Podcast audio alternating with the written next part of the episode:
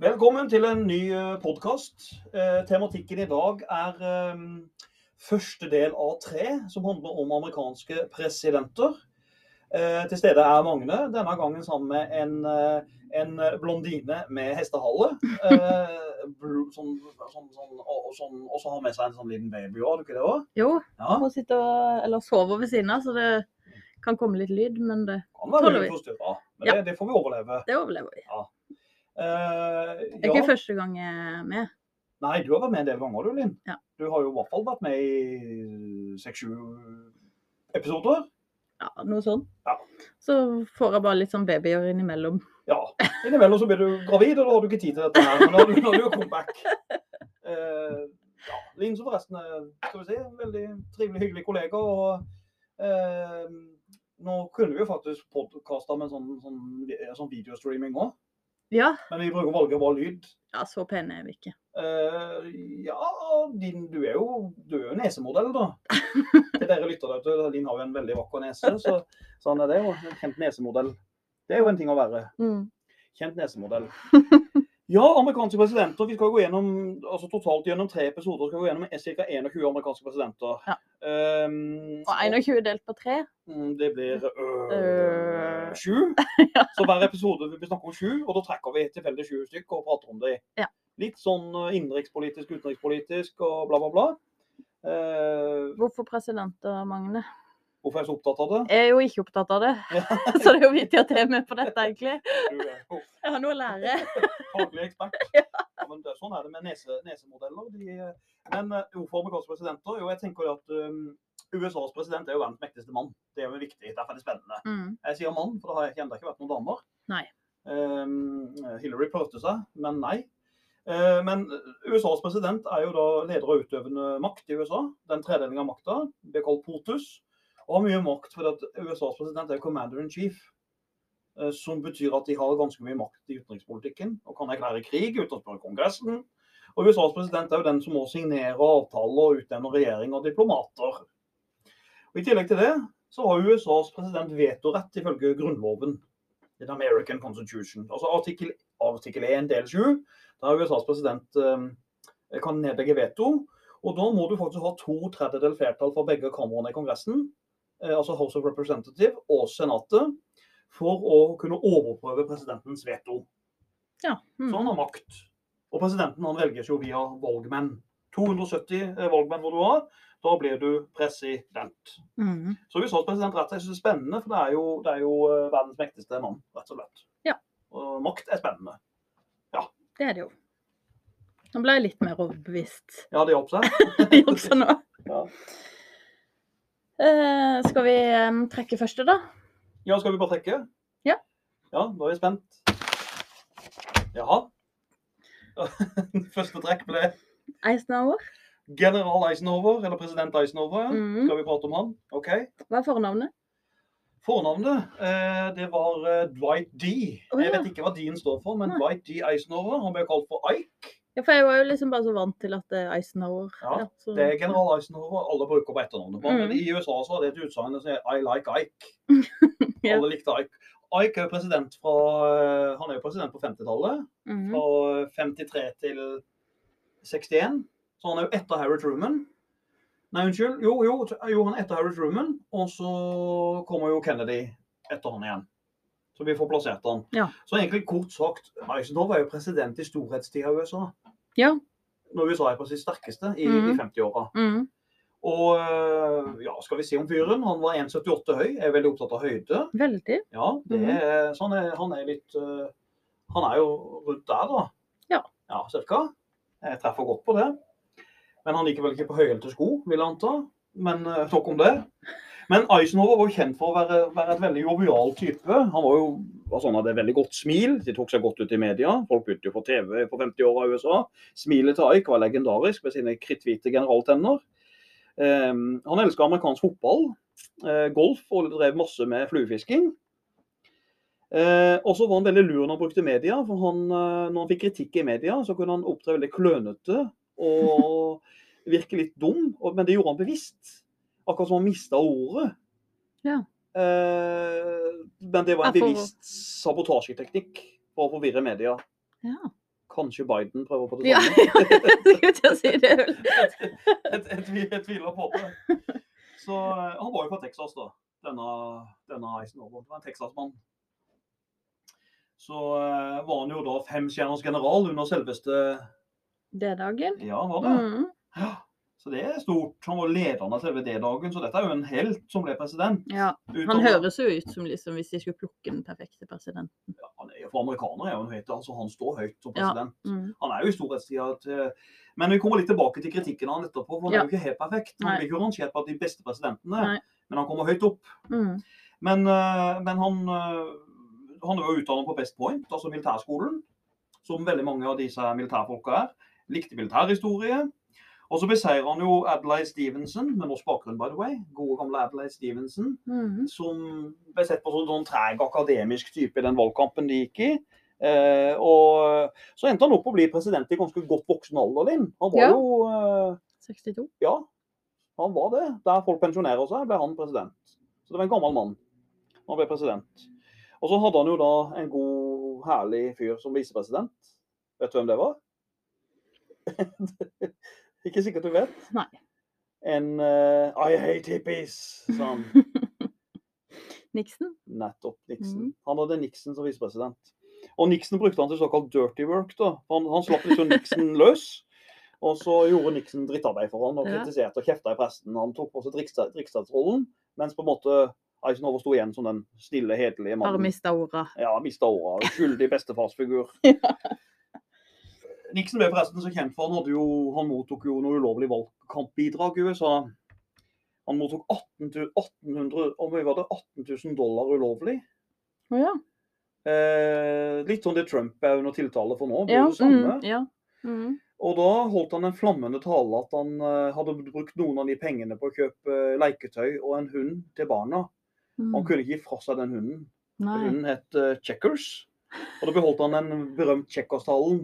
Der han syns synd på denne Tsjekkos da. Og sier det at han kunne ikke levere tilbake Tsjekkos. Og da fikk han sympati i mediene. Men uh, Eisenhowers periode Eisenhower slet jo litt med hjertet, da. Mm. Og så um, fikk han jo det Vi skal ta litt sånn vi kan jo, Skal vi ta litt sånn innenrikspolitisk om han, kanskje? Ja. Så eh, Ja, skal vi si om han der? Han, eh, han var jo Konservativ. Ja, det tror jeg vil bruke ordet. Mm. Men ikke sånn kristenkonservativ, men det vi kaller pragmatisk konservativ. Altså at han um, Han gjorde jo veldig lite for svarte i sørstatene, selv om han kunne gjort det. Fordi Mm. at han ville ha med sørstatene på laget sitt. Og det er jo kritikken av fyren. Han var jo en eldre mann som ble president. Sånn sett er han sammenlignbar med George Washington, som ble president som general, og han Julius Grant under borgerkrigen. Mm. Eh, For begge var jo eldre menn uten politisk erfaring. Eh, Men Eisenhower lykkes jo godt som president, for det er jo han storhetstida USA er. Og da det kommer de kjente produktene. De lager jo masse produkter. Eh, Bilindustrien med Cadillac Surfer han litt på bølgen? Ja, det gjør han. Og så ansetter han jo folk som jobber i bilindustrien nå. Han har jo f.eks. en som heter Charlie Wilson som forsvarsminister, som jobber i GM, i General, som Ja. var General Motors. Mm. Men, men, eh, men jeg burde jo sagt det i stad, da. Her kommer det oppgjør. Altså Problemet med fyren, det er jo at han var passiv i rasespørsmålet. Mm. Her kommer jo dama som nekta i setet på bussen, du husker du henne? Rosa Parks. Rosa Parks. Ja. Han gjør jo lite der. Mm. Han griper lite inn. Og så burde han tatt et oppgjør med rasisten Joseph McCarthy. Ja. Der de beskyldte jo masse folk for å være kommunister. Så det var jo, så innenrikspolitisk så er det en storhetstid økonomisk, men han gjorde lite for minoriteter, kan du si. Eh, og det er vel sånn jeg egentlig vil oppsummere hans innenrikspolitikk. Så egentlig en ganske traust, men bra president. Det er det han er. Ja. Han er traust. ja, litt traust og Ja. unnvi unnvikende, går det an Ja, å ja, ja. si det? Ja. Det var innenrikspolitisk. Og utenrikspolitikken. Hmm. Hvordan var det der? Ja, si det. Han er jo i kald krig, da. Ja. Han er jo på høyden når kald krig virkelig blir global. Mm. For det han må gjøre, er jo Han blir jo litt populær, for han avslutter jo Koreakrigen. Mm. Og den er jo bare å komme seg ut av. Tre millioner mennesker døde der totalt poengløst det år. Så han får jo avslutta Koreakrigen. Og ehm, Så dør jo Stalin i 1953, så de skifter jo forholdet litt grann i Sovjet. Han må jo få håndtere Khrusjtsjov etter hvert, som er en litt annen type enn Stalin. Eh, og så innfører han egentlig begrepet terrorbalanse. Og Det skal vi være glad for, for at eh, i regjeringa til eh, Eisenhower så var det jo personer, sånne hauker, som ville bruke atomvåpen mot Sovjet. Ja. Bl.a. utenriksminister utenriksminister hva det heter, John Foster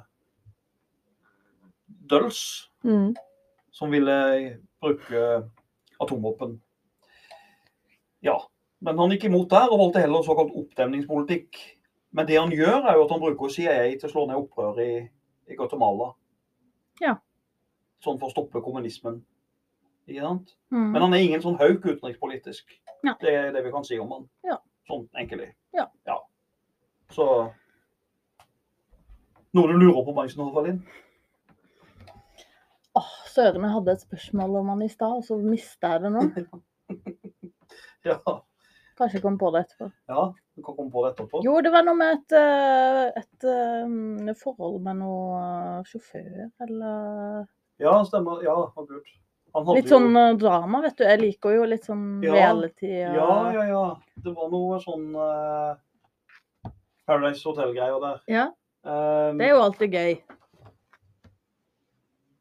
hmm, ja, han hadde jo forhold til en sjåfør. Ja. Jeg husker ikke hva hun er. Jeg tror hun het Kay et eller annet. Ja. Det var en sjåfør han hadde kvinnelig sjåfør, riktignok. Jeg må si kvinnelig her. Han eh, hadde et forhold til henne bak sin kones rygg, og det holdt på å bli en kjempekatastrofe Mm, eh, for amerikansk politikk i 50-åra. mm. Der mann og kvinne skulle være gift og være trofast. Ja. Vi kjenner jo til Bill Clinton, Ja. som skal trekke etter hvert. Og Donald Trump har jo vært ute med både her og der. Ja. Så det er mye sånn tull og tøys. Gjenganger. Ja. Så eh, ja, Det var et veldig intellektuelt og sp bra spørsmål, var det ikke det? jo er det ikke det? ja. Eh, skal vi trekke ni, eller? ja, kanskje vi skal det. Jeg vet ikke. Da, nå døde fyren. Han døde vel i Var det ikke 69 han strøk med?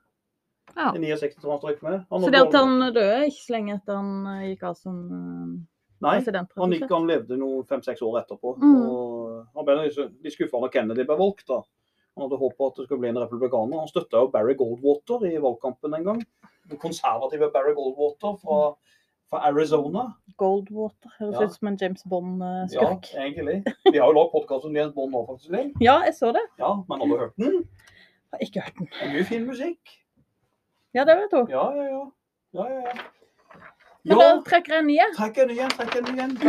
Nå er jeg spent. Vi er ferdig med han. Nå er jeg ferdig med, med Eisenhower. Eh, da ble det Ford, faktisk. Ford. Gerald Ford. Å ja, det var godt du sa det, for jeg trodde du snakka om bilen din. Gerald Ford sa det en gang. Han var jo eh, president i bare et par år. Og så sa han 'Husker jeg en Ford, jeg er ikke en Lincoln', sa han. Og det er jo hentydning for at han var, han var veldig beskjeden på egne vegne. Han er jo en av de trauste, kjedelige presidentene i USA. Ja. Og han ble jo han ble som president etter Richard Nixon måtte gå av Ja. eh, pga. den skandalen. Mm, eh, Watergate. mm. Eh, og ja eh, Så han er jo president. Han er vel president fra 1976 Nei, må jeg si Nei. Han er fra 74 til 76. Snaue to år. Og Gerald Ford var jo sånn personlighet så blir han regna som en veldig hyggelig fyr. Men han var ikke beredt så særlig smart. Nei. Og heller ikke så særlig sjarmerende. Nei. så han var en veldig god fotballspiller. Han spilte fotball. og så var det en del sånn eh, politiske kommentatorer og litt sånn motstandere som mente han har fått litt for mye fotballskader.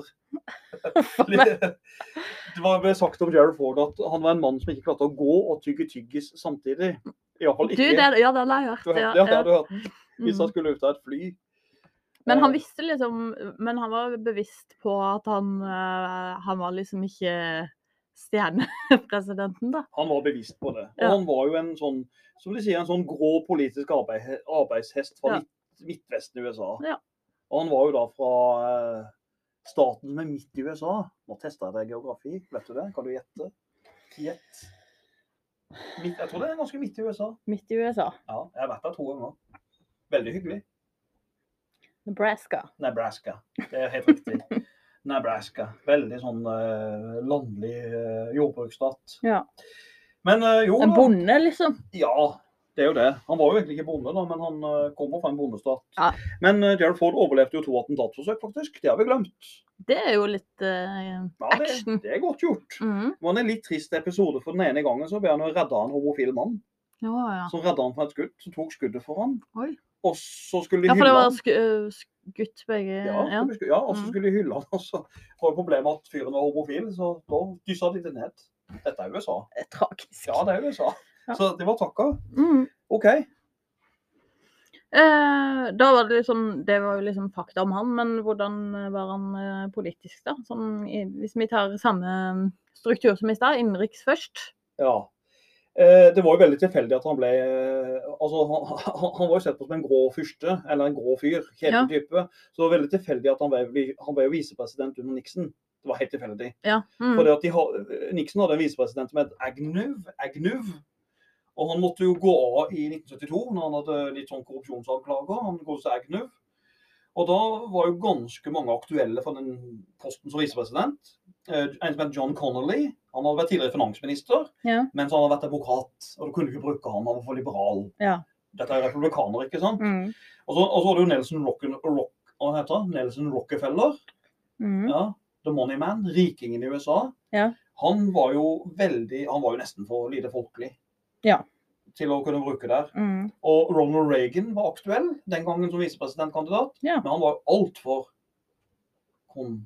konservativ. Ja. De, der, vi- de tre nevnte nå, ville jo splitte partiet. Men så tenkte de vet du hva, vi velger å kjedele Gerald Ford. Ja. Ingen bryr seg, ingen reagerer på han. er- Han er, han er trygg og stødig. ja, ja, ja. Og så når Ford ble president, så var jo tilliten tynnslitt til presidenten i USA. For Nixon hadde jo drept seg ut med Watergate. Ja. Så han tar jo over etter Nixon. Mm. Og eh, det han gjør da, er at han forsøker å bygge bro. Han tilgir eh, Watergate-skandalen. Han benådiger, han gir president eh, som pardon til Nixon. Ja. Det ble veldig omstridt. Og så godtar han og beholder de fleste av Nixons statsråder eller ministre. Så Og- viderefører liksom bare Ja, Ja. styret. Ja. Og så blir jo da Nelson Rockefeller han blir visepresidenten til han. Ja. Men han får jo problemer, han Gerald Ford, da. For han fikk jo oljekrisa rett i trynet. mm. Eh, OPEC, altså oljeprisen ble jo sånn femdobla på 70-tallet. Ja. Den får han i trynet. Og så begynner han å kutte i offentlige utgifter. Ja. Og eh, han er jo en typisk sånn tradisjonell sparepolitiker. Vil jeg beskrive han som republikansk, eh, traust sparepolitiker. Eh, og eh, han brukte jo presidentvetoretten veldig mye for å stoppe sånne sosiale velferdstiltak som Kongressen foreslo. Ja. Egentlig kan han ligne litt på en vi skal kanskje snakke om senere, hvis vi trekker han, nemlig president Herbert Hoover, Ja. som var president. Og han kan ligne litt på han politisk. Ja. Og interessant ellers er det jo at han hadde med seg et sånn trespann som i, i hans administrasjon, som het en sånn Donald Rumsfeld, og Alan Greenspan og Dick Cheney. Alle de tre de var med i styre og stell under Ford. Og Rumsfeld ble jo kjente navn. Ja, det er det. Ja. Det heter jo Irak-krigen Ja. under Bush. Mm. Altså Cheney er jo visepresidenten under Bush. Mm. Og, og, og Rumsfeld er jo forsvarsministeren under Bush. Mm. Altså Bush junior. uh, Men senior. Greenspan har jeg ikke hørt så mye om. Junior. Greenspan er jo sentralbanksjef. Ja. Så, så han er jo liksom med å kjøre på med disse her eh, Ja. Ja. Men det interessante med han godeste Ford, en konservativ mann, var at han var ikke fornøyd med den Roe versus Wade-dommen. Ja, den er jo veldig aktuell. Mhm. Mhm. Og da snakker vi selvfølgelig om tematikken Abort. abort. Eh, og, Selvbestemt Ja, den ga jo rett til selvbestemt abort. Mm. Og den, eh, den mente at det her burde jo heller på en måte altså De burde jo delstatene heller bestemme sjøl, tenkte han. Men her fikk han problemer. For førstedama Kona? Eh, ja, var det hun het Betty, tror jeg. jeg tror oh, ja. Betty Ford. Ja, men, og hun- hun mente jo det at det var en strålende dom. Ja, Så de var uenige. Ja, De var uenige. Og Mm. da, det var tøft. Det var tøft. Mm. Så det var litt sånn han, han, han sånn innenrikspolitisk, da. Hva, men eh, hva var Betty Ford? Det er jo et kjent navn. Ja. Hvorfor har jeg hørt det Du tenker på Betty Blue, du? Nei, det nei det vet jeg ikke hvem er. Nei, nei, hun ble jo ganske populær førstedame, Betty Ford, mener jeg på. Ja, Ja, at jeg har hørt, uh, hørt om Betty Ford. Nå ble jeg litt eh, i tvil. Det kan være jeg tar feil nå, men var det hun som fikk uh, Jeg er ikke helt sikker. Førstedame er ikke min spesialitet. Jeg ble skremt etter Hillary Clinton og førstedame. Jeg tør ikke lese om dem. Hun skremte meg. Men jeg tror Betty Ford var det hun som ble syk. Hun fikk kreft. Og så var hun veldig åpen Ja. sykdommen, på er noe sånt, og fikk veldig popularitet for det. Så, så Kvinne, kvinneforkjemper, holdt jeg på å si. Ja. Ja, altså litt sånn feminist ja, så er det Betty, og forbilde. og så har de Betty Ford-klinikken i USA. ja. Det har mm, de. Så det er mm. sikkert der du har hørt om Ja, det et eller annet mm. sted. Ja. Det demrer. Ja. Stemmer, stemmer.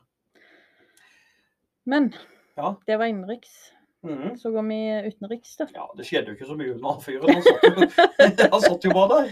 Nei da, men under han så vil jeg si en ting, da. At uh, Henry Kissinger, forresten eh, 100 år uh, Henry Kissinger 100 år, han var, han var utenriksminister under Gerald Ford. Ja. Mm, Jøden Henry Kissinger. Um, Henry Kissinger han fikk jo veldig mye makt. Og mange mener jo at Henry Kissinger ble omtrent en sånn landets president. Ja. For han, dette er en kunnskapsrik Henry Kissinger. Les mer om han. Kunnskapsrik fyr. Eh, Professor i statsvitenskap. Han tok mye av makta i hele administrasjonen, er det mange som mener. Ja. Denne gamle luringen. så han Eh, satt og styrte ja. mye. han gjorde det. Og så ble det ganske diskusjoner, kjente diskusjoner vi har under Trump i dag. Ja, med Eller med Nato. Ja. Mm. For det ble jo spørsmål om men utgiftene, altså Ja, hvordan en skal fordele Ja. Ja, utgiftene med Nato. Ja. Mm. nettopp. Og det var jo Nato-greia, ja. Så denne Nato eh, man ville ikke, USA ville ikke betale så mye til Nato. Eller så er han jo bare inne i kald krig sånn avspenning, terrorbalanse. Han er med i det, da, kan du si. Ned, han skriver under noen nedrustningsavtaler og sånt. Ja. For det er en kjedelig president. Ja. Og taper valget mot eh, Jimmy Carter i Ja. 1976. Sånn er det.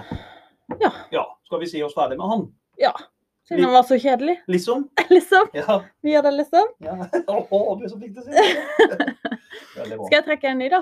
Ja, trekk en ny. Ja. Mm. Det blir nesten sånn quiz for, det, for du det her. Mm. Jo, bare quize nå etter hvert hvis du gjør det. Jeg liker quiz. Jeg på- Kom igjen. Altså. Ja, hvem har du traff da? Eh, da var det jo eh, en som jeg håpte vi skulle få, da. Jeg syns, Mhm. det er morsomt at han er så tung. En tung president? En tung president. Ja, det er mange av de, da. Ja, det er jo det, da. Bill Clinton var tung. Ja. Men uh, er det? eh, da? er vi på William Howard Taft. Å ja, selvfølgelig. Det er den tyngste som har vært president. Ja. Han var tung, han. William Howard Taft, ja. Han, Han var jo eh, nesten like mye som min bil. nei, nei.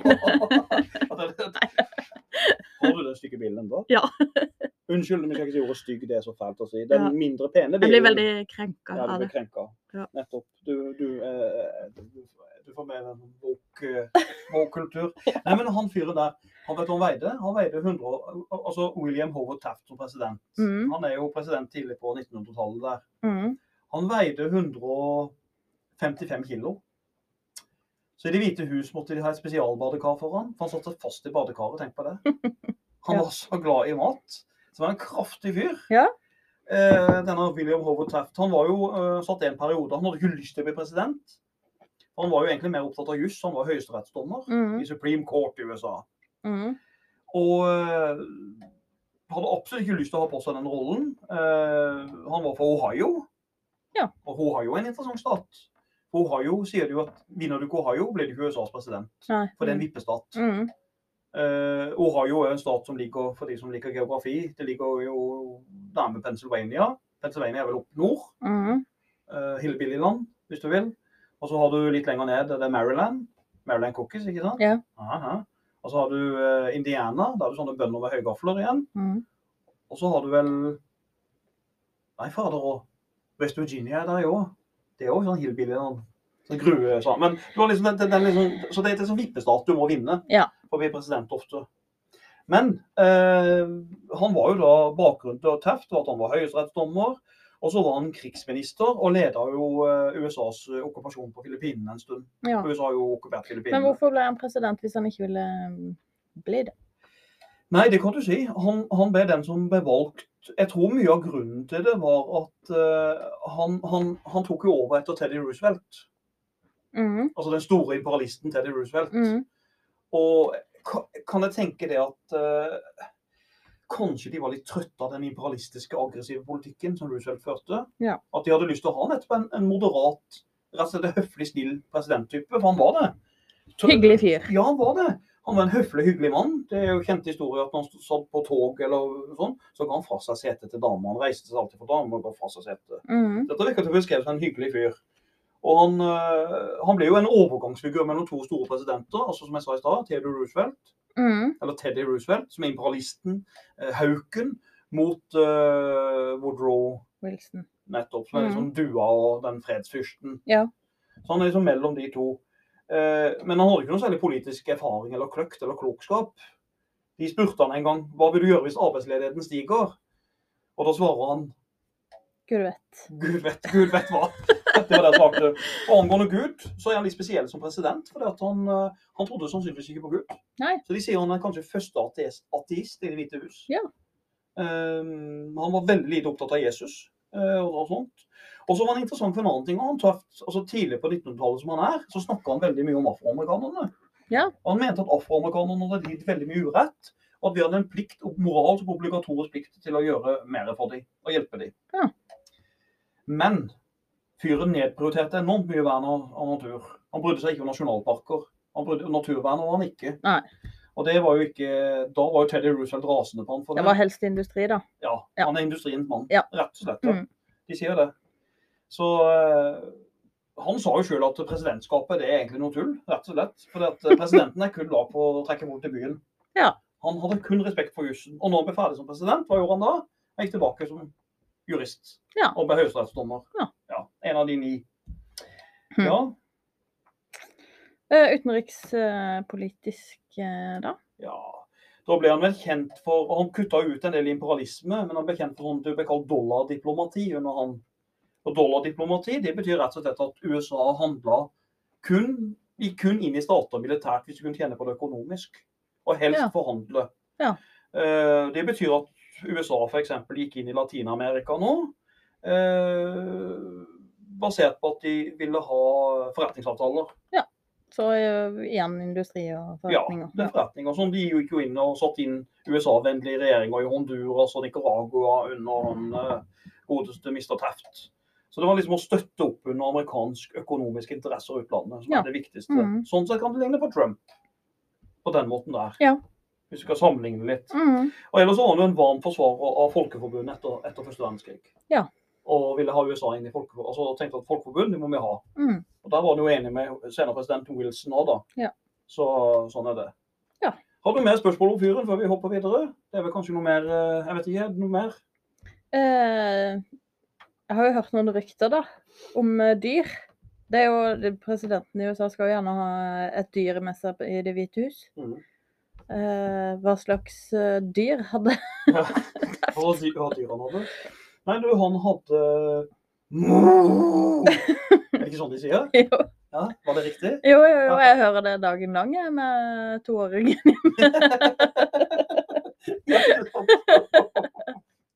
Ja, jeg hører det med, med leieboeren. Det er en hat. Han er jo bare skitten, da. Men nei, du, ku. en ku. Han hadde ku i Det hvite hus. Og vet du hvorfor? Han var jo han var jo matvrak. Jeg tipper jo at han likte ikke skumma melk, for å si det sånn. Han skulle ha god, feit råmelk. Ja. og ville ha fersk melk. Ja. Og selvfølgelig, Howard Haft er jo en tjukkas. Han er jo den første presidenten som, som, som faktisk får eie egen og kjøre egen bil i USA. Da begynner bilene å bli så vanlige at han får presidentbil.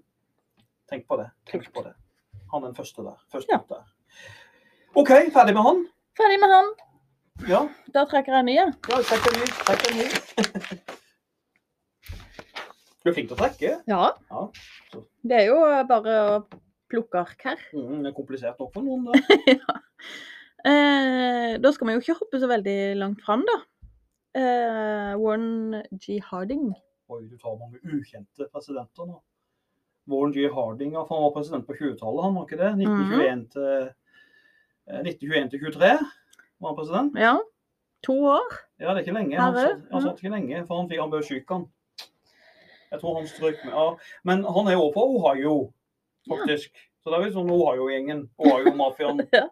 Men uh, Warren G. Harding var kjent som en veldig pen mann. Oh, ja. Så bildet av han, så er kanskje kjekkeste presidenten USA har hatt. Mm. Så han var jo enorm på å Han ble jo valgt som president mye pga. utseendet mitt i USA. Ja. Han var så flink med kvinnelige velgere. Han dro damene. Og så hadde han en del forhold som måtte gjemmes bort. Og Ja. når han hadde tulla med mye damer, ja. så sendte han faktisk den dama han hadde tulla med på verdensomseiling på Bikito. Betalt av selveste presidenten selv. Og han sa jo sjøl at 'jeg er ikke skikket til å være president'. Og blant annet så gambla han bort middagsaviser fra Det hvite hus i poker. Alle mulige ting. Dette er Jo, og så hadde jo denne presidenten Han hadde han hadde jo en del sånne rykter som gikk rundt han om at han hadde afrikansk blod i familien. Ja. Og de ryktene fulgte han nå i Washington DC. Og da svarte han litt humoristisk. og så han sa jo det at ja, ja, kanskje en av mine forfedre har hoppa over gjerdet. Hva vet jeg, sa han. Ja. Han har sikkert, sikkert vært noe utroskap der. Et eller annet. det, det her er jo rett inn i eh, Paradise Hotel-land. Han hadde passa inn der. Ja. Det godeste Harding. Ja. Garantert. Veldig gøy. Det skulle vært en dramaserie. Mm. Ja. Harding i Det hvite hus. Ja. Men han hadde jo eh, Ja, Det kan bety flere ting, det. det kan Ja, ikke sant? Ja, nå Men uh, han hadde mm, besøk. Ja. Tenker du på besøk i uh, Det hvite hus, ja? Ja. han hadde det. Han hadde besøk av kjente gjester. Mm. Altså, kjente på, han, likte å, han likte å omgi seg med store næringslivsledere. Ja. Type Henry Ford og Ja. Eller han oppfinneren nei, Thomas eh, Edison. Ja. Ja. Så Og var jo veldig sånn type republikaner, glad i kapitalisme og det frie markedet. Ja. Eh, men han endte jo opp i skandale. da. Skandale, Det var jo skandalepresident. Det er jo en av de dårligste presidentene USA har hatt. For under hans tid så fikk de noe som heter Teapot Dome. Det er veldig detaljer, folkens, men Teapot Dome-skandalen det var rett og slett at de fant en del olje i staten Wyoming. Mm. Eh, forresten en veldig harry stat. Jeg vet det. Det er mer cowboyhatter enn enn det folk. Eh, og Wyoming, eh, der var det jo sånn at ministerne, eh, altså ministerne i, i, i Harding-regjeringa, de putta jo mye av de oljepengene i egen lomme, faktisk. Ja. Så det var en Teapot, eh, eller Teapot Dome-skandalen var stor, og plagde jo han i hans presidentperiode. Ja. Eller så gikk han jo til angrep på president Woodrow Wilson, som var president før han. Ja. For Wilson ville jo ha USA inn i første verdenskrig. ja. Det ville ikke han her. Nei. Han ville jo heller ikke være med i Folkeforbundet. Han mente at USA skulle være, isolere seg Ja. og ikke delta i internasjonale eh, operasjoner i det hele tatt. Være nøytrale. Være nøytrale. Absolutt. Ja, så Mhm. Han eh, døde. Ja, han døde Det var det vi snakka jo om det i starten. Ja, for at han, han hadde reist en lang tur til Alaska i 1923. Mm. Og så flydde han vel til eh, San Francisco. Og i San Francisco, etter, så, så han ble syk på den Alaska-turen, og i San Francisco så, så døde han på hotellrommet der. Ja. Og det har vært en sånn konspirasjonsteori i USA, fordi at eh, kona til eh, Harding nekta de å obdusere han. Nekta at de skulle undersøke han. Ja. Og da ble det spørsmål Enda mer til en dramaserie her. nettopp enda mer. Mm. Hadde kona forgifta han, eller førstedama, pga. sjalusi? Han Ja. hadde jo forhold til en 30 år gammel yngre dame. Ja. Så hadde, var det sjalusi her. Men uansett, da. eh, Teddy Roosevelts datter eh, sa jo en ting følgende om Harding, som er sagt. Harding er ingen dårlig mann, han er bare en slask. Sitat. Jeg tror Harding er kanskje den dårligste presidenten vi har hatt. Ja. Det, er- det er liksom, Vi er på båndlista, altså. Han er det. Han Det, er- jo, det, det er helt bånn. Ja, han er nesten det. altså. Han, altså, han er veldig sexfiksert. Ja. Veldig opptatt av Ja. ja, for han skrev noen brev der han snakka om Jerry, og hvem var det? ja. Kan vi si det på båten? Kan vi si det her? Tør vi det? Ja. Er det lov å si sånn? Jeg synes det I dagens lov. samfunn? Ja. Men når han skriver om Jerry Vi er jo inne i, eh, i, det, i det miljøet med denne presidenten, det kan vi si. Ja, det er vi. Ja. Men eh, Jerry, i, eh, som han skrev om i brev til kvinner, da, når han skriver om Jerry, så er det hans penis. Faktisk. Han skriver om tissen sin til damer. Og så skriver han etter et av brevene så skriver han, så skriver han til den dama han likte godt, og så skriver han You know, Jerry came and will not go. and Jerry loves you. så det var Jerry. Så eh, ja, det var litt av en fyr, denne, denne, um, denne Harding. Hardingen. En skikkelig eh, Don Juan i Det hvite hus. Ja, kjekk president, men uh, ganske håpløs. ja. ja. Mhm. Next Da up. legger vi han vekk, Mhm. og så um, trekker vi eh, en ny. Ja, gjør det. I dine, i dine, dine ark. Og da ble det faktisk etterfølger. Etterfølgeren, da er vi jo på Calvin Coolidge. Ja, Calvin. Å, å, det var tungekall. Å, herregud. Det heter Cal Calvin Coolidge. Calvin Coolidge han var jo presidentarbeidet fra 1923 til 1927. Ja. Eh, ikke så kjent president det heller. Du har sikkert har du hørt om han noe særlig? Nei. Nei, nettopp. Folk flest har ikke hørt om Calvin Coolidge, men Jeg er jo heldig sånn, for det er jo litt gøy å høre om de som man ikke vet så mye om. Mhm, absolutt. Mhm. Men uh, Calvin Coolidge han, han var jo forresten født på nasjonaldagen i USA, 4th of July, så det er ikke galt. Mm. Det er ikke mange presidenter som er født på selve nasjonaldagen. Men han kommer fra staten Vermont, Ja. som hvis noen reiser til USA Det kunne jeg tenkt å lage en egen podkast om. USA-reiser, for fader gøy. For Vermont er en fin stat. Ja. Den er kjempefin. Det er et sånn veldig fint skisted. ja, det går langt nord mot Canada, eller? Nei, Nei. Det, nei, det er snarere tvert imot. At oh, ja. det, det ligger nærme mer mot Massachusetts. Ja. Så ikke forresten stave Massachusetts, det er jo et helvete. Ja. Det er min store frykt i livet. Stave til Chenia, Massachusetts. Og ostepop. Nei, ostepop klarer stave. Ja. Men uh, denne går nærme Massachusetts, denne staten. Og um, det er jo litt sånn flott skisted, naturstat. Uh, og dette er jo mest kjent i dag som hjemstaten til Bernie Sanders. Ja. Som har jo prøvd å bli president noen ganger. Ja, ja, ja. En sosialistisk jøde som forsøker å bli president i USA. Så sier jeg lykke til. Men uh, Calvin Coolidge da, han var jo en veldig sky type som person. Han sky. Ja. Veldig folkesky. Det er et dårlig tegn som politiker. ja det... han hadde vært plaga av astma og hadde mageproblemer. Oi! Ja Forut for sin tid. Har ikke alle nå det astma og cøliaki? Ja, det er populært. Og, glu og glutenallergi. Ja, gluten er det, ja. Og så har jo alle litt sånn eh, depresjoner og han Ja. er der og alle har litt sånn. Ja. På Men da kalte de det sky. Da kalte de det sky. Og på 90-tallet kalte vi det tristhet. Ja. Men han var jo en veldig ensom ulv og hata lagsport. Han ville ikke være med i lagsport heller, så han likte å være alene. Og derfor hadde han en mekanisk hest i Det hvite hus. Som han rei. Og så var, han, eh, så var han faktisk avholdsmann. I likhet med Donald Trump. Han holdt seg unna alkohol. Vi er jo i forbudstida i USA. Mm. Men det er ikke noen idiot, Calvin Coolidge, for han er utdannet advokat. Men han høres jo fryktelig kjedelig ut, da. Ja, gud, for en tørr type. Ja. Ja, Kjedelig han, og har hår, han er kjedelig. Ja. Men han gjorde jo veldig mye som republikaner og republikaner, og han gjorde mye republikanerne likte. Det gjorde han. Ja. Så hvis du ser på han politisk, så gjorde han mye sånn som de har sans for. Ja. Eh, Reagan var jo veldig glad i han her. Men Nå kan vi egentlig gå på innenrikspolitisk. det at eh, Slagordet til Coolidge det var 'Keep cool with Coolidge'. Det, det, det, keep cool with Coolidge. Og det betyr jo at egentlig så synet de hadde på myndighetene, var at en god myndigheter de gjør minst mulig. Ja. God styring i Washington DC er å gjøre minst mulig, la folk ordne livet sitt sjøl. Der er du enig? Lite grann. Litt? Ja, men jeg hater byråkrati. Ja. Jeg hater når staten skal gjøre alt for Ja. alle mennesker. Jeg Ja, og jeg tenker bare på arbeidsplassen, så er det jo sånn at du liker ja. at jeg liker Ikke, Folk, no, no, no, Nei, jeg skal ikke. ikke, ikke kommentar. Ikke kommentar. Ja. Ja, men altså, når folk lager mye styr og mas ut av ting, Ja. da, da blir det, da, Det sånn, byråkrati. Nei, Mhm. fysj. Men uh, hva var det vi skulle si der? Jo, han, altså, problemet Washington DC er problemet. Det er jo det han sier. Så, så Reagan hadde jo bilde av han eh, Coolidge i, eh, i, i, i The Oval Office. Ja. Så dette var et forbilde til Reagan. Ja. Reagan likte han. Og Reagan sa jo at den regjeringa som styrer minst, den mest effektive. Og Coolidge kutta jo skattene fire ganger i USA. Han elska skattekutt. Taxation cut, yeah, det var bra. Og så kjørte han noen sånne litt rasistiske lover eh, som gjorde at det var vanskelig for japanere å komme inn i USA. For det skulle være amerikansk arbeidskraft. Ja, det er sånn, eh, sånn som Trump ville med muslimer på et tidspunkt. Ja, Ja. stemmer det. Sånn Mm. band. ban. Ja. Jeg kalte det ban. Mm. Jeg kaller det National Origins Act eller noe sånt. Er det ikke det? Det er vanskelig å si det òg. Tenk hvis de hadde kalt eh, Ja, lage det Åhå, Ja. det er spilt. Men ellers så brukte han politiet mot streiker. Var det streiker, så ja, da setter vi inn politiet. Det hadde vært gøy i norsk politikk. Ja.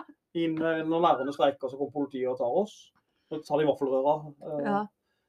T-skjortene. De, de, unnskyld, nå sier jeg de jævla streike-T-skjortene. Altså. De kan de få. Men nei da, men han er jo, en- dette er jo en sånn sparepolitiker. Det mest Ja. kjente han gjorde innenrikspolitisk, var jo at han ansatte, han styrka FBI. Eh, Ja. Og innsatte J. Edgar Hoover som sjef. Selveste Hoover, som er en veldig mektig mann i USA. Ja. Eh, denne lederen i FBI. Altså, han, han, han hadde jo kontroll på allting. Jeg klarer ikke å se FBI uten å tenke Oh, the FBI. Er, Hvilken film? eh, oi, ja, herregud. Ta den igjen en gang til. All the way to the FBI. Den burde jeg tatt. For den er kjent. Mm. Hint. Et insekt. Et insekt? Ja. Nei. Eller eller enten insekt eller lam kommer an på om tar på engelsk. Å, selvfølgelig! Du tenker på Silence. Ja. Du tenker på Silence of the Lamb. Ja. Altså Nattsvermeren, selvfølgelig. Ja. Ja. Det var en digresjon. Nei, men det er en viktig film. Anthony Hopkins og Jodie Foster. Ja. Eh, men ehm, Skal vi eh, se på dyr her òg, eller? For det syns jeg er gøy. Ja, tenker du på dyr med han òg? Ja. Ja, ja, ok. Ja, for han hadde noe spesielt der, ja. Ja. For de fleste har jo hunder, har de ikke det? Biden Jo. har en schæfer. Ja. Eller schæferen har Biden, da. Ja. det, Og så var det ku. Og så hadde vi ja, ku. ja, og så, det jeg må si det som ikke mange lyttere kommer til å vite nå, det er, faktisk, for, dette er, sant, det er faktisk schæferen som skriver talene til Biden. så, og, og så solbrillene, det var sjefen som kom på forslag om. Oh, ja. Ja, det er helt sant. Så det er den politiske rådgiveren. Ja. Mm. Det høres det- Hva heter sjefen? Nei, det husker jeg ikke. Nå. Jeg tror han heter uh, Georg eller noe sånt. George. Oh, ja. Men uansett, han Coolidge han hadde jo en vaskebjørn Ja. i Det hvite hus. han hadde en vaskebjørn! Er det det som er raccoon på engelsk? Er det? ja, er det ikke det? Jo. Jeg lurer på det. Raccoon. Min Navnet, navnet var Rebekka Ja. på vaskebjørnen. Ja, det er ikke galt. Det var ikke galt. Det understreker at du ikke er glad i folk, da. Ja, egentlig. Men uh, hvis en Det var jo litt naturlig å sammenligne liksom eh, Harding og Coolidge her. Siden de er etter hverandre, og det, det er motsetninger. Ja, som personer. Eller, Ja, tenker, ja. kanskje. Kanskje personlighetsmessig så er det jo det. Ja. Men, eh, men ikke sånn politisk mye. Nei, Så er det jo like at det er sånn republikanske sparer på. Og de to får skylda for krisa som kommer inn i 20, egentlig. Ja. De, de, de bare kjører på med aksjemarkedet og blind tro på det. Mm. Og så kommer Hoover etterpå der igjen. Ja. Og alle tror å, vi skal ikke regulere noe som helst. Og så Fri flyt. Fri flyt. Ja. Og det smeller. Ja. Ja. Jeg, bare, jeg tenkte mest på hvem jeg ville vært på fest med. Oi, ja, da tror jeg Du er jo jente, da. Du er en blond jente med en, med en søt nese. Jeg tror jeg ville holdt meg unna Harding. Hvis Harding kommer med Jerry, da hadde jeg løpt. Da, da. Jeg kunne vært på fest med Harding, men ikke du. Ja, skjønner. Ja, er du enig? Enig. Ja. Absolutt. Men eh, jeg er klar til å trekke en ny, jeg. Ja, gjør det. gjør det, mm. gjør det, gjør det.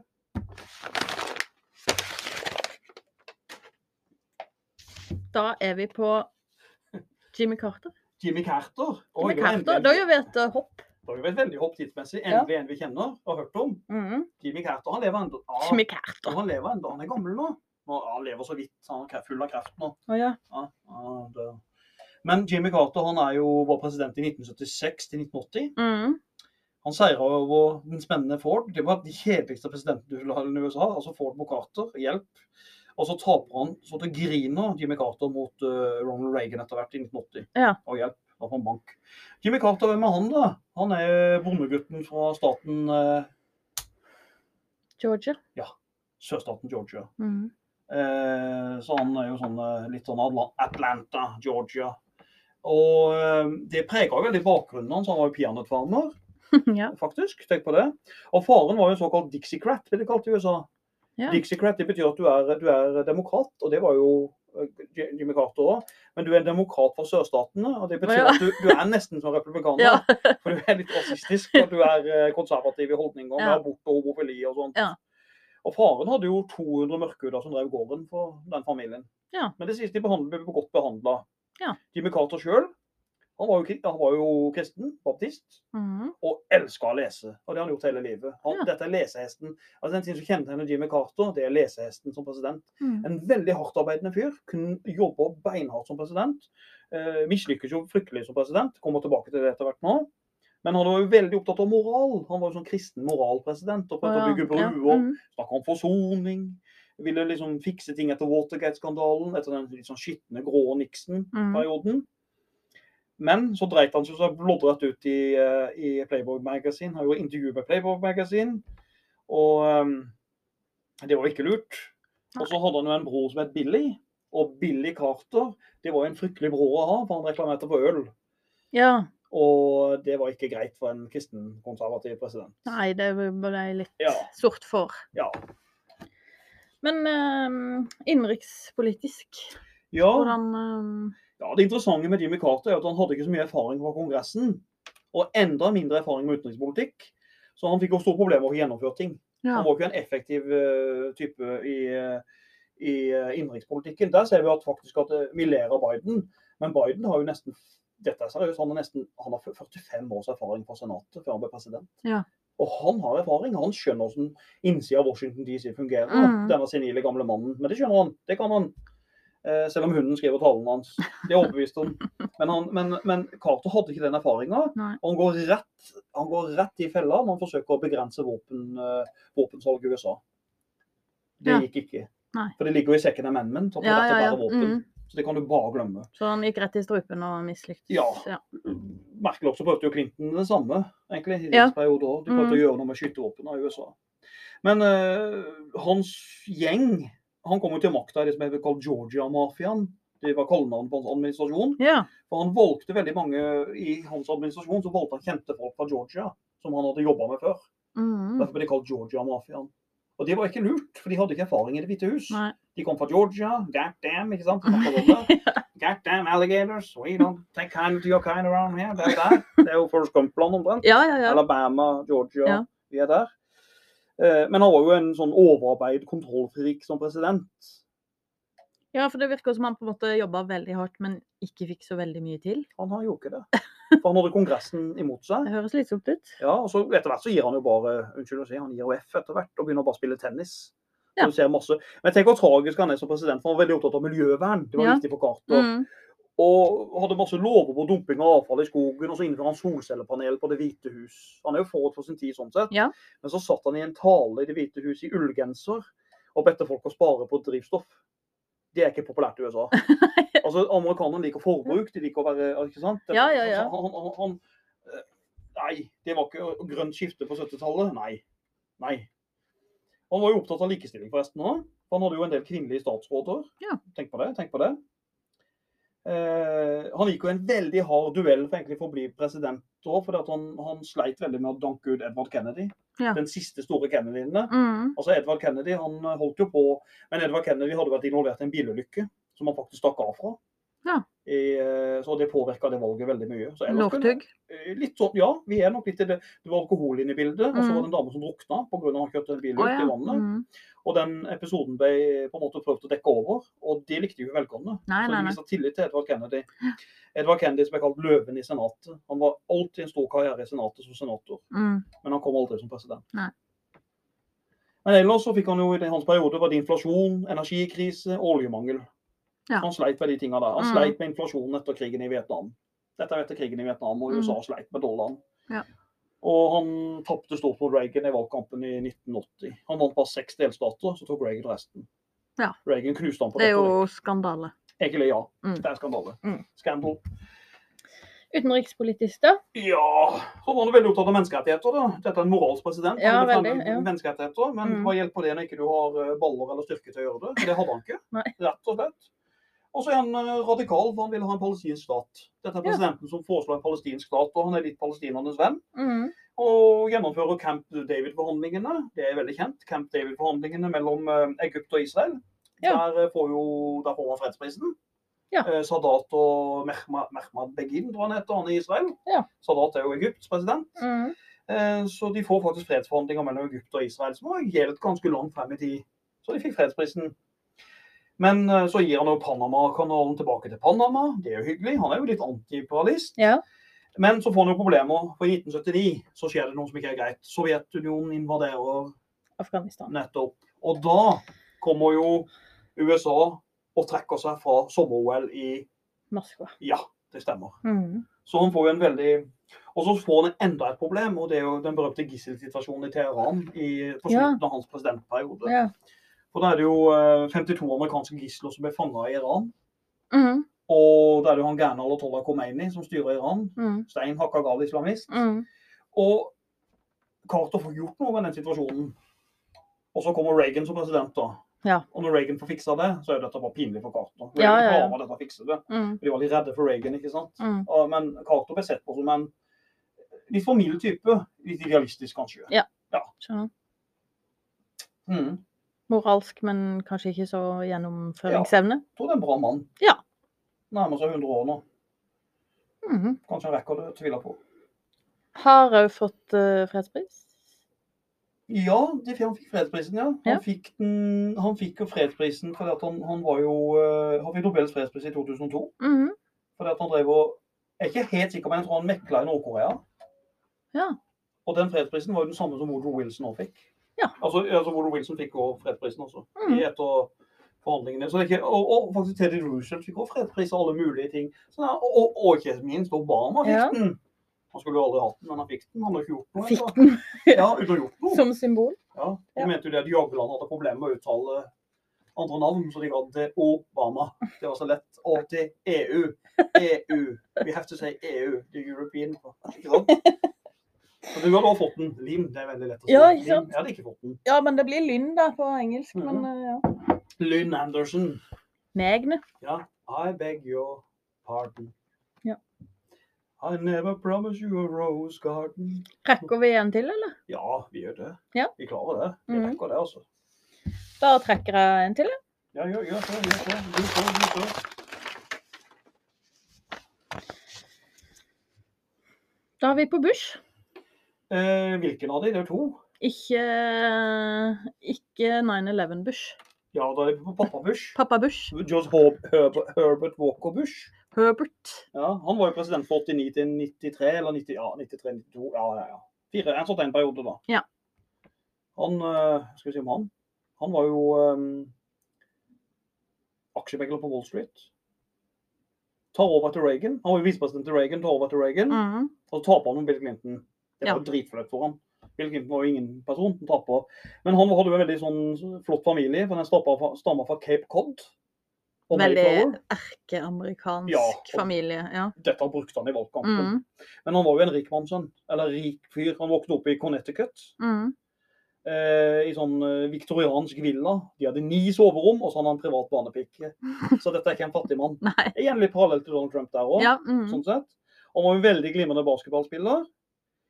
Det som er hyggelig med George Herbert Walker Bush tenker jeg som politiker og menneske, det var at han brydde seg ikke om du var demokrat eller republikaner. Han var jo sjøl republikaner. Men eh, når Lyndon B. Johnson døde, eh, LBJ, mm. altså han presidenten etter Kennedy, mm. som, han var jo demokrat, og han var jo en veldig sterk personlighet. Han var en bråkete type. Ja. Men, eh, men George Herbert Bush han møtte opp i begravelsen og var venner med han. Altså, han Han var venner med Lyndon B. Johnson hele livet. Og det er spesielt. Mm. På tvers av at de var politisk uenige. Det spennende med George Herbert Walker Bush det er at han faktisk var, han var jo, han deltok i andre verdenskrig òg. Ja. Og han måtte jo hoppe ut i fallskjerm.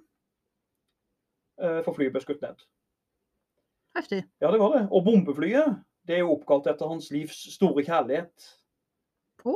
Ja, tenk på det. Kona. Som heter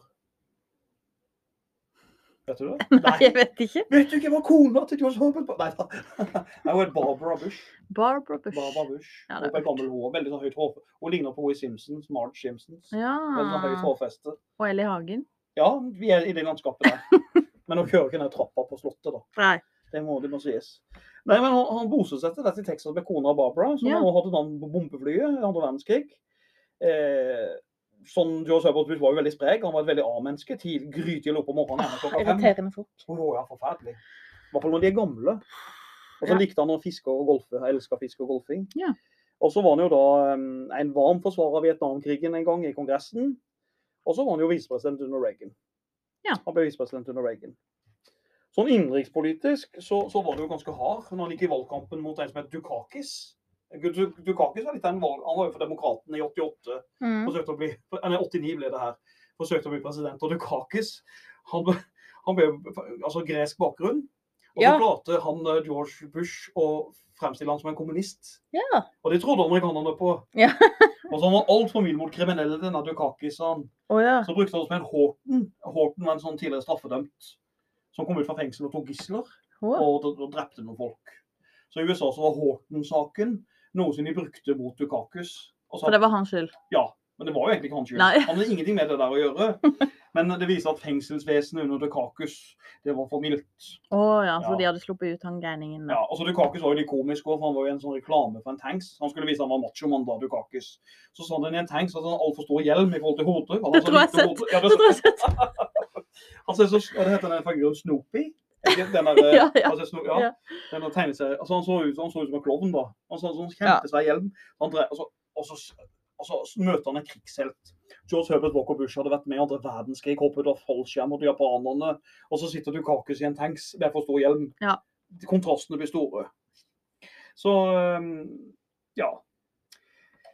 Bush, når han innenrikspolitisk, så ble jo skatter veldig mye. Han sa 'read my lips', no, no more new tax, et eller annet sånt. Han sa. Oh, ja. Les mine lepper, ingenting mer skatt. Det Ja. var løftet hans. Den holdt han ikke. Nei.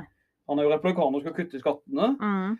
Men det han sleit med hans tid, var at det var enormt statlig underskudd i USA. Gjelda var kjempestor. Her begynner den svimlende statsgjeld etter Reagan. Reagans skatteløfte, altså skattepolitikk, hadde jo, hadde jo kjørt USA i Grøfta. litt. Ja.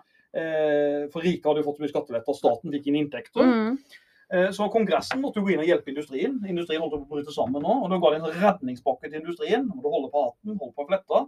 135 milliarder dollar måtte de inn med under Bush for å redde industrien i USA. Såpass, I ja. redningspakke. Det er mye den gangen.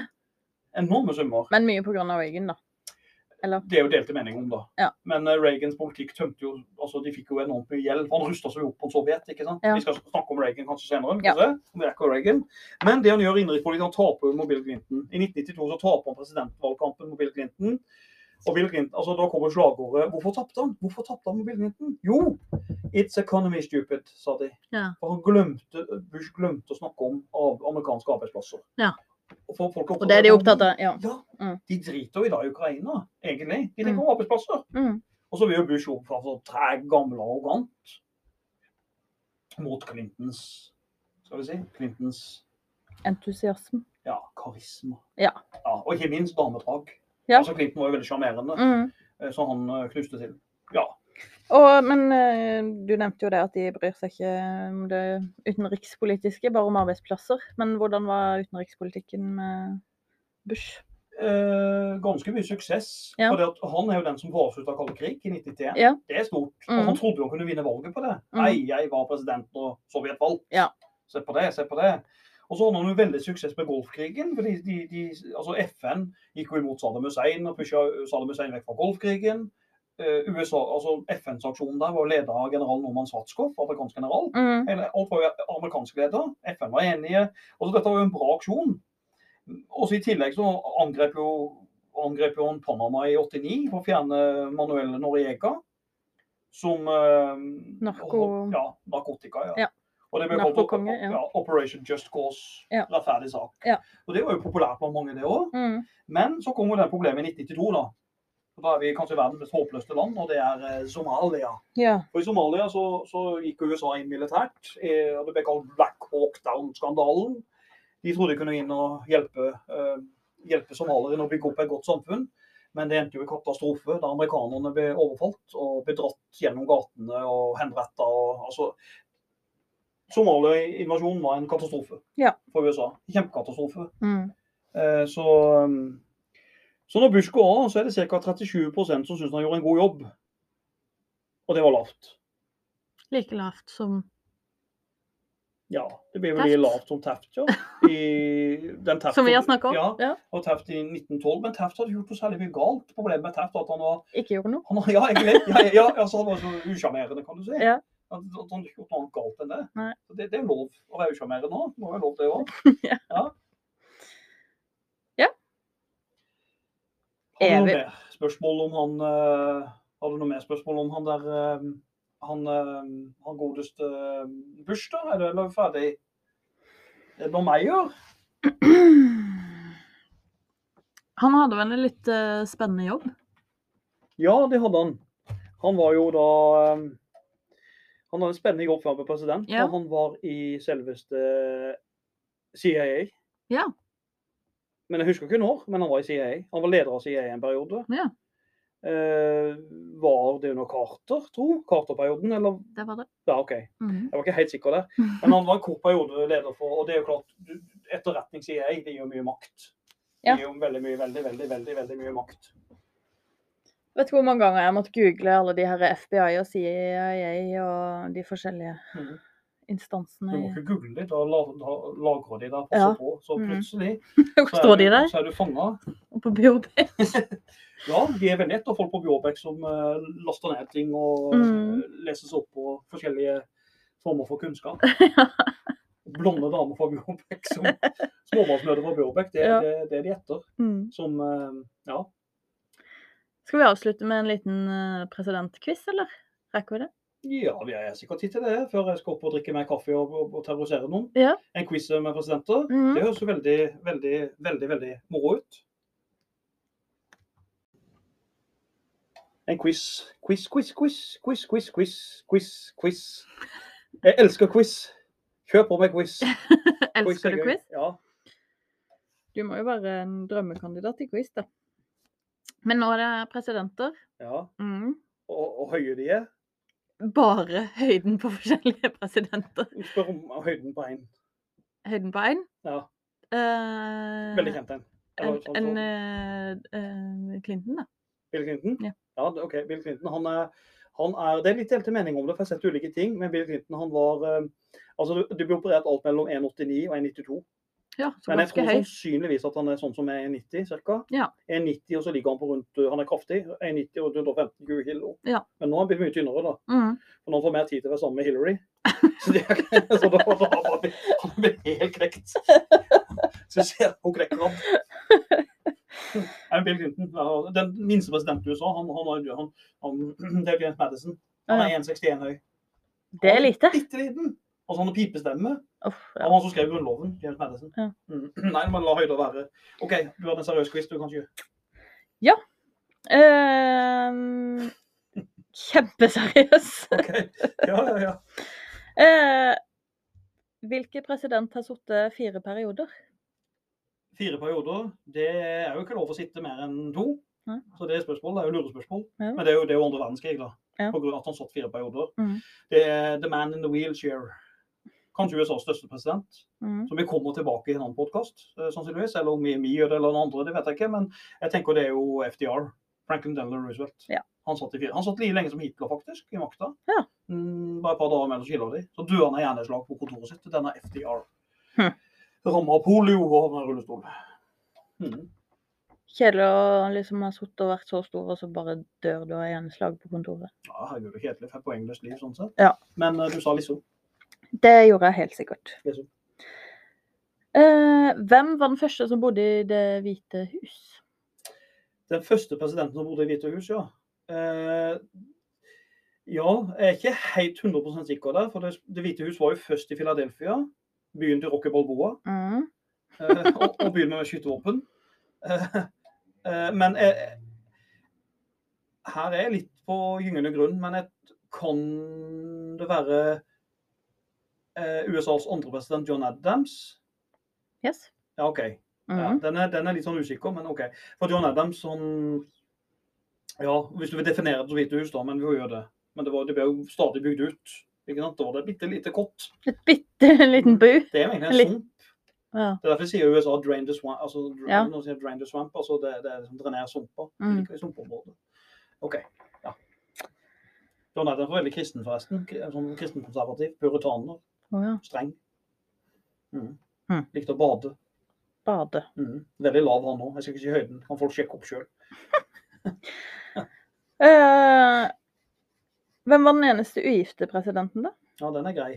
Han er jo Han het um, Jeg lurer på hva, jeg har ikke sjekka det, men kan han kan gis bakgrunn James Buchanan? Mhm. Og James Buchanan var president for Han er før amerikanske borgerkrigen, han er før Lincoln. Så han var jo president fra 1857 til 1861. Ja. Tror jeg, ja. Og James Buchanan han var faktisk den eneste ugifte. Han bodde jo sammen med en mann en del eh, i Det hvite hus, da. Så de var jo litt usikre på hva han holdt på med. Men han er en som ikke har kone, iallfall. Hyggelig. Mm. Jeg lurer på om han hadde glassøye òg. Jeg er usikker på. Han hadde bare ett øye. uh, og så har vi en uh, far og en sønn som har vært president. Far og sønn. Ja, men det, det er flere. Far og Ja, sønn. det er jo det. Ja, men du har jo John Adams. Mm. Han, øh, han er jo USAs andre president. Mm. Og USAs sjuende president, eller sjette. Jeg tror det er sjette eller Ja, sjette. Nei, nå, nå, nå, nå vet vi hvilket nummer, da. Eller åttende, det kanskje. John Quincy Adams, iallfall. John Quincy Adams er hans sønn. Han som jobber mot slaveri. Ja. Eh, I den Amistad-saken. Ja. Se, se, se filmen Amistad, så spilte Anthony Hopkins. Har vi nevnt Anthony Hopkins to ganger. Ja. Han holder en glimrende tale mot slaveri, denne John Quincy Adams. Og så far og sønn er jo selvfølgelig George Bush og George Herbert Walker Bush. Ja. Og far og sønn. Mm. Jeg tror ikke det er flere da. Ikke som jeg kommer på da. Nei. Ikke med mer eller mindre det er noe utroskap som ikke vi vet om her. Det kan jo ha godt hende. Ja, ja, ja. ja. Det kan nok hende det er en harding en vei der. Det kan være Jerry. En Jerry som har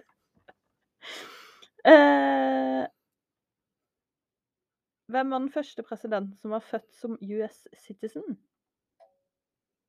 Å, shit, for et spørsmål. Som, som, som var født som amerikansk borger, altså. Ja. Å, Jesus. Det må være en tidlig, da. Um, ja, det er faktisk litt uh, Som er født som USA. Den første som er født Oi, Det var jeg litt usikker på. Å, uh, oh, herregud. Eh, for at de, fleste, de første presidentene er jo britiske. altså mm. bakgrunn. De er, født i, de er Virginia-presidenter. Mm. altså Washington og Virginia.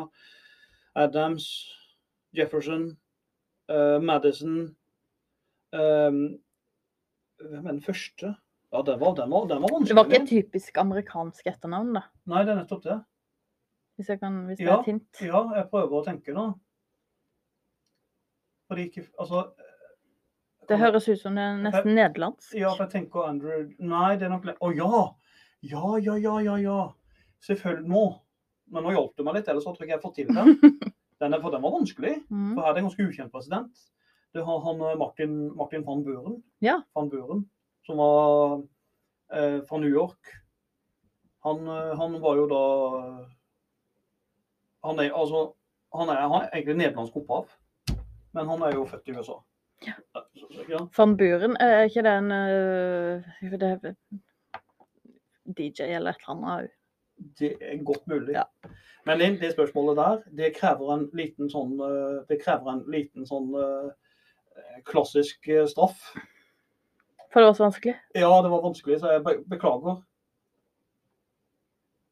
Det, tar, det går jo bare to sekunder. Bek- Beklager, jeg kan ikke la sånn være. Det, det er en sykdom. Ja. Det er godt ikke det er kamera. Godt ikke det er kamera. Du, tok- du takla den? Ja da. Ja, det er bra. Det blir ikke blåmerke, jeg lover. Men uh, nå siden øh, vi har et uh, barn ved siden av, så avslutter vi med siste spørsmål. Hvor mange barn hadde George Washington? Oi! George Washington. Han hadde mange slaver. 40 slaver iallfall. Mm. Men mange barn. Jeg tror vi er på tallet null. jeg. Tror ikke han hadde noen barn. Og da hadde han jo hm? Nei, han hadde ingen. Ingen barn? Nei, nettopp. Han hadde ingen barn. Nettopp. Da er vi jo der, da. Det er ikke galt, det. Nei.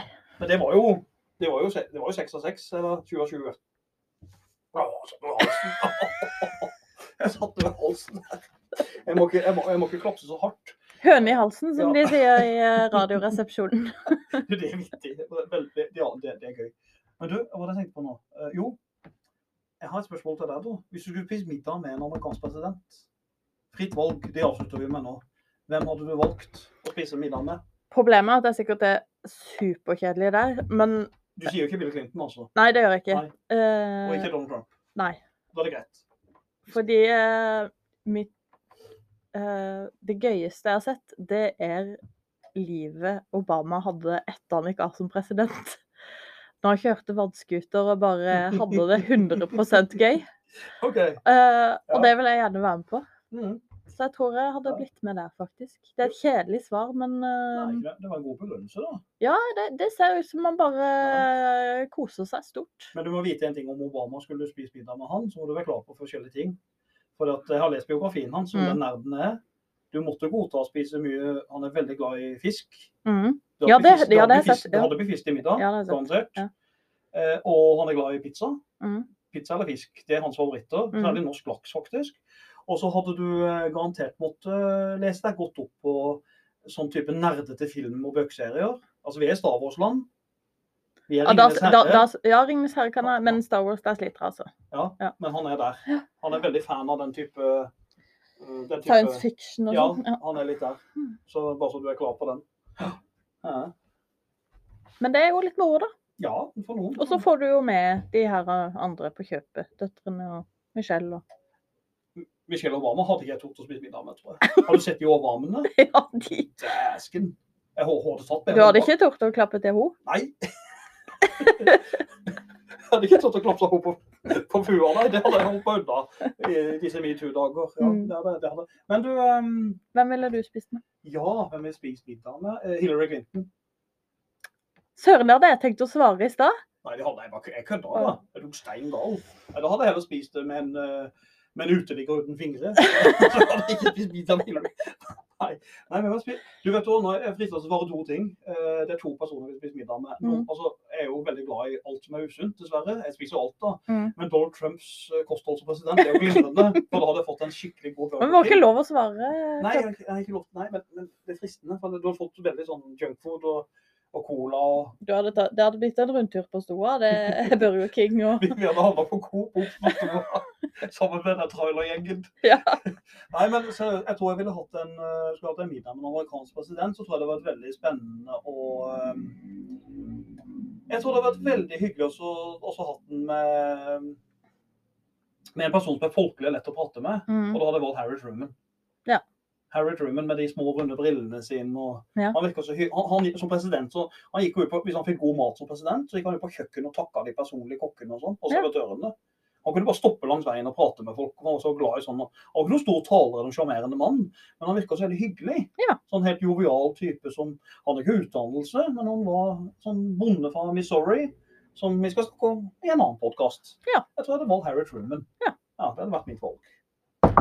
OK? Det høres hyggelig ut. Ja, jeg tror det. Da går vi og spiser. Skal vi gjøre det? Ja. Nå må vi gi oss. Ja. Da sier vi takk for oss, Takk for oss. og takk til Åsa, Ja, som har sovet hele tida. veldig bra. Hei og hå! Hei og hå.